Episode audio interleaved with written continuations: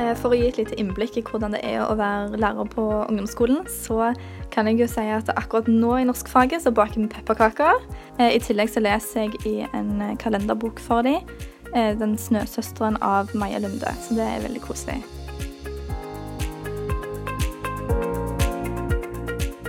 Du lytter til Klar, ferdig, undervis, en podkast fra Universitetet i Stavanger. I denne episoden treffer du Veronica Christoffersen Reime, norsklektor ved Skeiane ungdomsskole.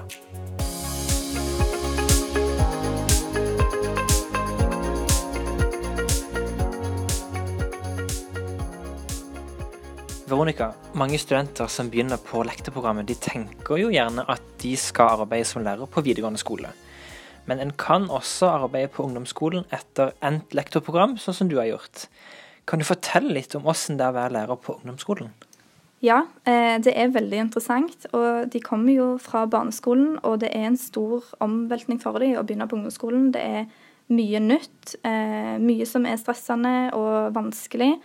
Eh, sånn at man må håndtere som lærer veldig mange situasjoner som går utenom det faglige.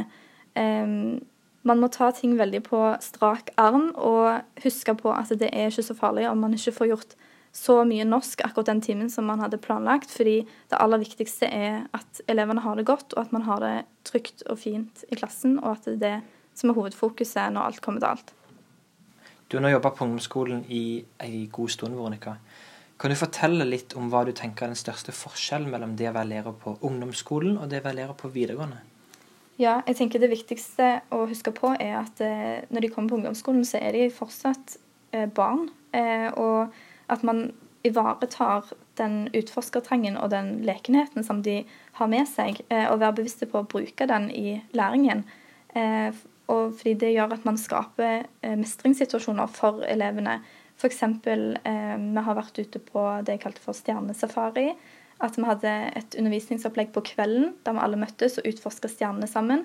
Eh, og det tror jeg de lærte mye mer av enn at jeg sto og trykte gjennom en powerpoint med stjernebilder, f.eks. Eller å bygge Kinderegg-sammen har vi gjort, for å ha fokus på begrepslæring innen et emne. Eh, så, og det syns de er veldig kjekt, og jeg ser at blir, alle blir veldig aktive og lærer mye av det.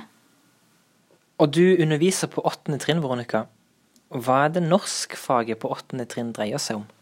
Ja, eh, med skolen jeg jobber på, så handler norskfaget på åttende trinn seg om å bli kjent med tekstmangfoldet i norskfaget. Og vi leser og skriver innen de store ulike hovedsjangrene. Eh, og vi har mest fokus på de grunnleggende ferdighetene, og at det er det aller viktigste å jobbe med på åttende trinn for å forberede dem til å gå mer i dybden på 9. og 10. trinn, fordi da jobber vi mer temabasert.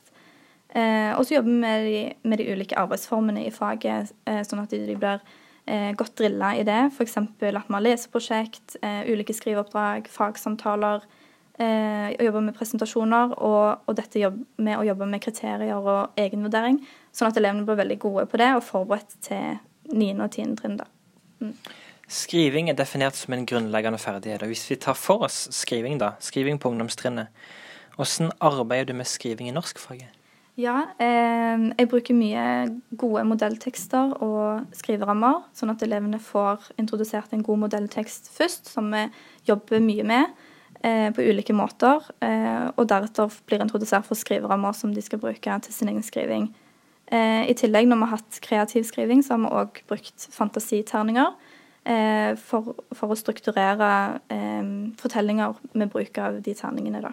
Mm. Og du må gjerne fortelle hva er en fantasiterning? Det er veldig gøy. Da er det ulike motiver istedenfor tall på terningene. Og så starter vi f.eks. med OK, nå skal vi skrive innledning som involverer det motivet som vi triller på terningen. Og så det er kanskje en is, f.eks. Og så skriver de innledningen, og så leser vi kanskje noen innledninger sammen og gir litt tilbakemeldinger. Og så er det OK, videre, nå skal vi introdusere en konflikt. Og så triller vi terningen. OK, konflikten skal handle om et eller annet med et juletre, f.eks. Så blir det For det hjelper til å strukturere tekstene sine på en gøy måte, da. Elever på åttende trinn de er på mange måter i en eh, overgangsfase der en av disse overgangene går mellom barneskolen og ungdomsskolen.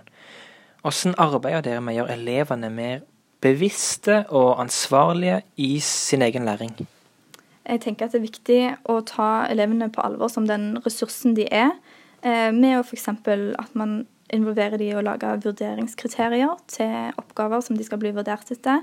Eh, og da f.eks. med at man leser en god tekst først og har en samtale med dem om hva syns dere er bra med denne teksten, og videre innleder det til en samtale om vurderingskriterier og hva de ønsker at vi skal ha som vurderingskriterier til f.eks. en skriveoppgave. da. Har du noen andre måter som du arbeider med vurdering på?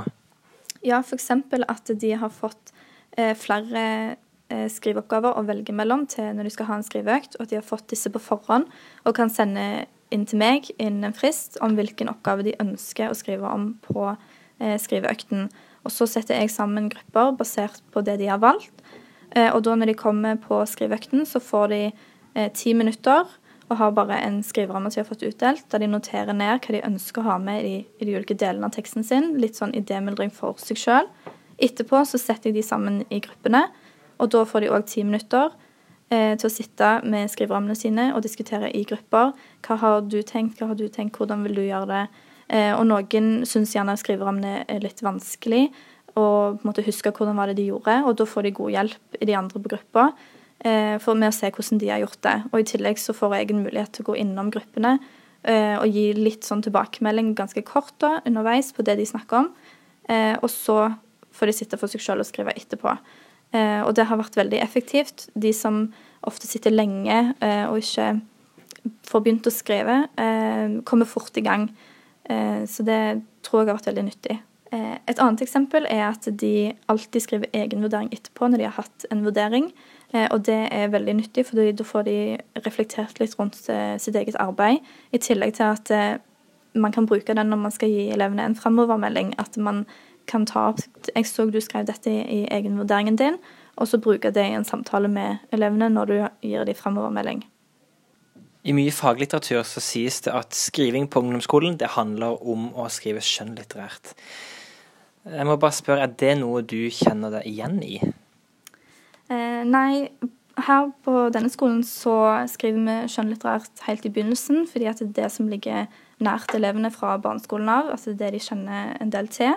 Eh, men videre i løpet så eh, har vi mye mer fokus på å skrive reflekterende, argumenterende og sammenlignende fagtekster Ehm, så vektleggingen er kanskje 30-70 eh, med i favør til saktekster, da.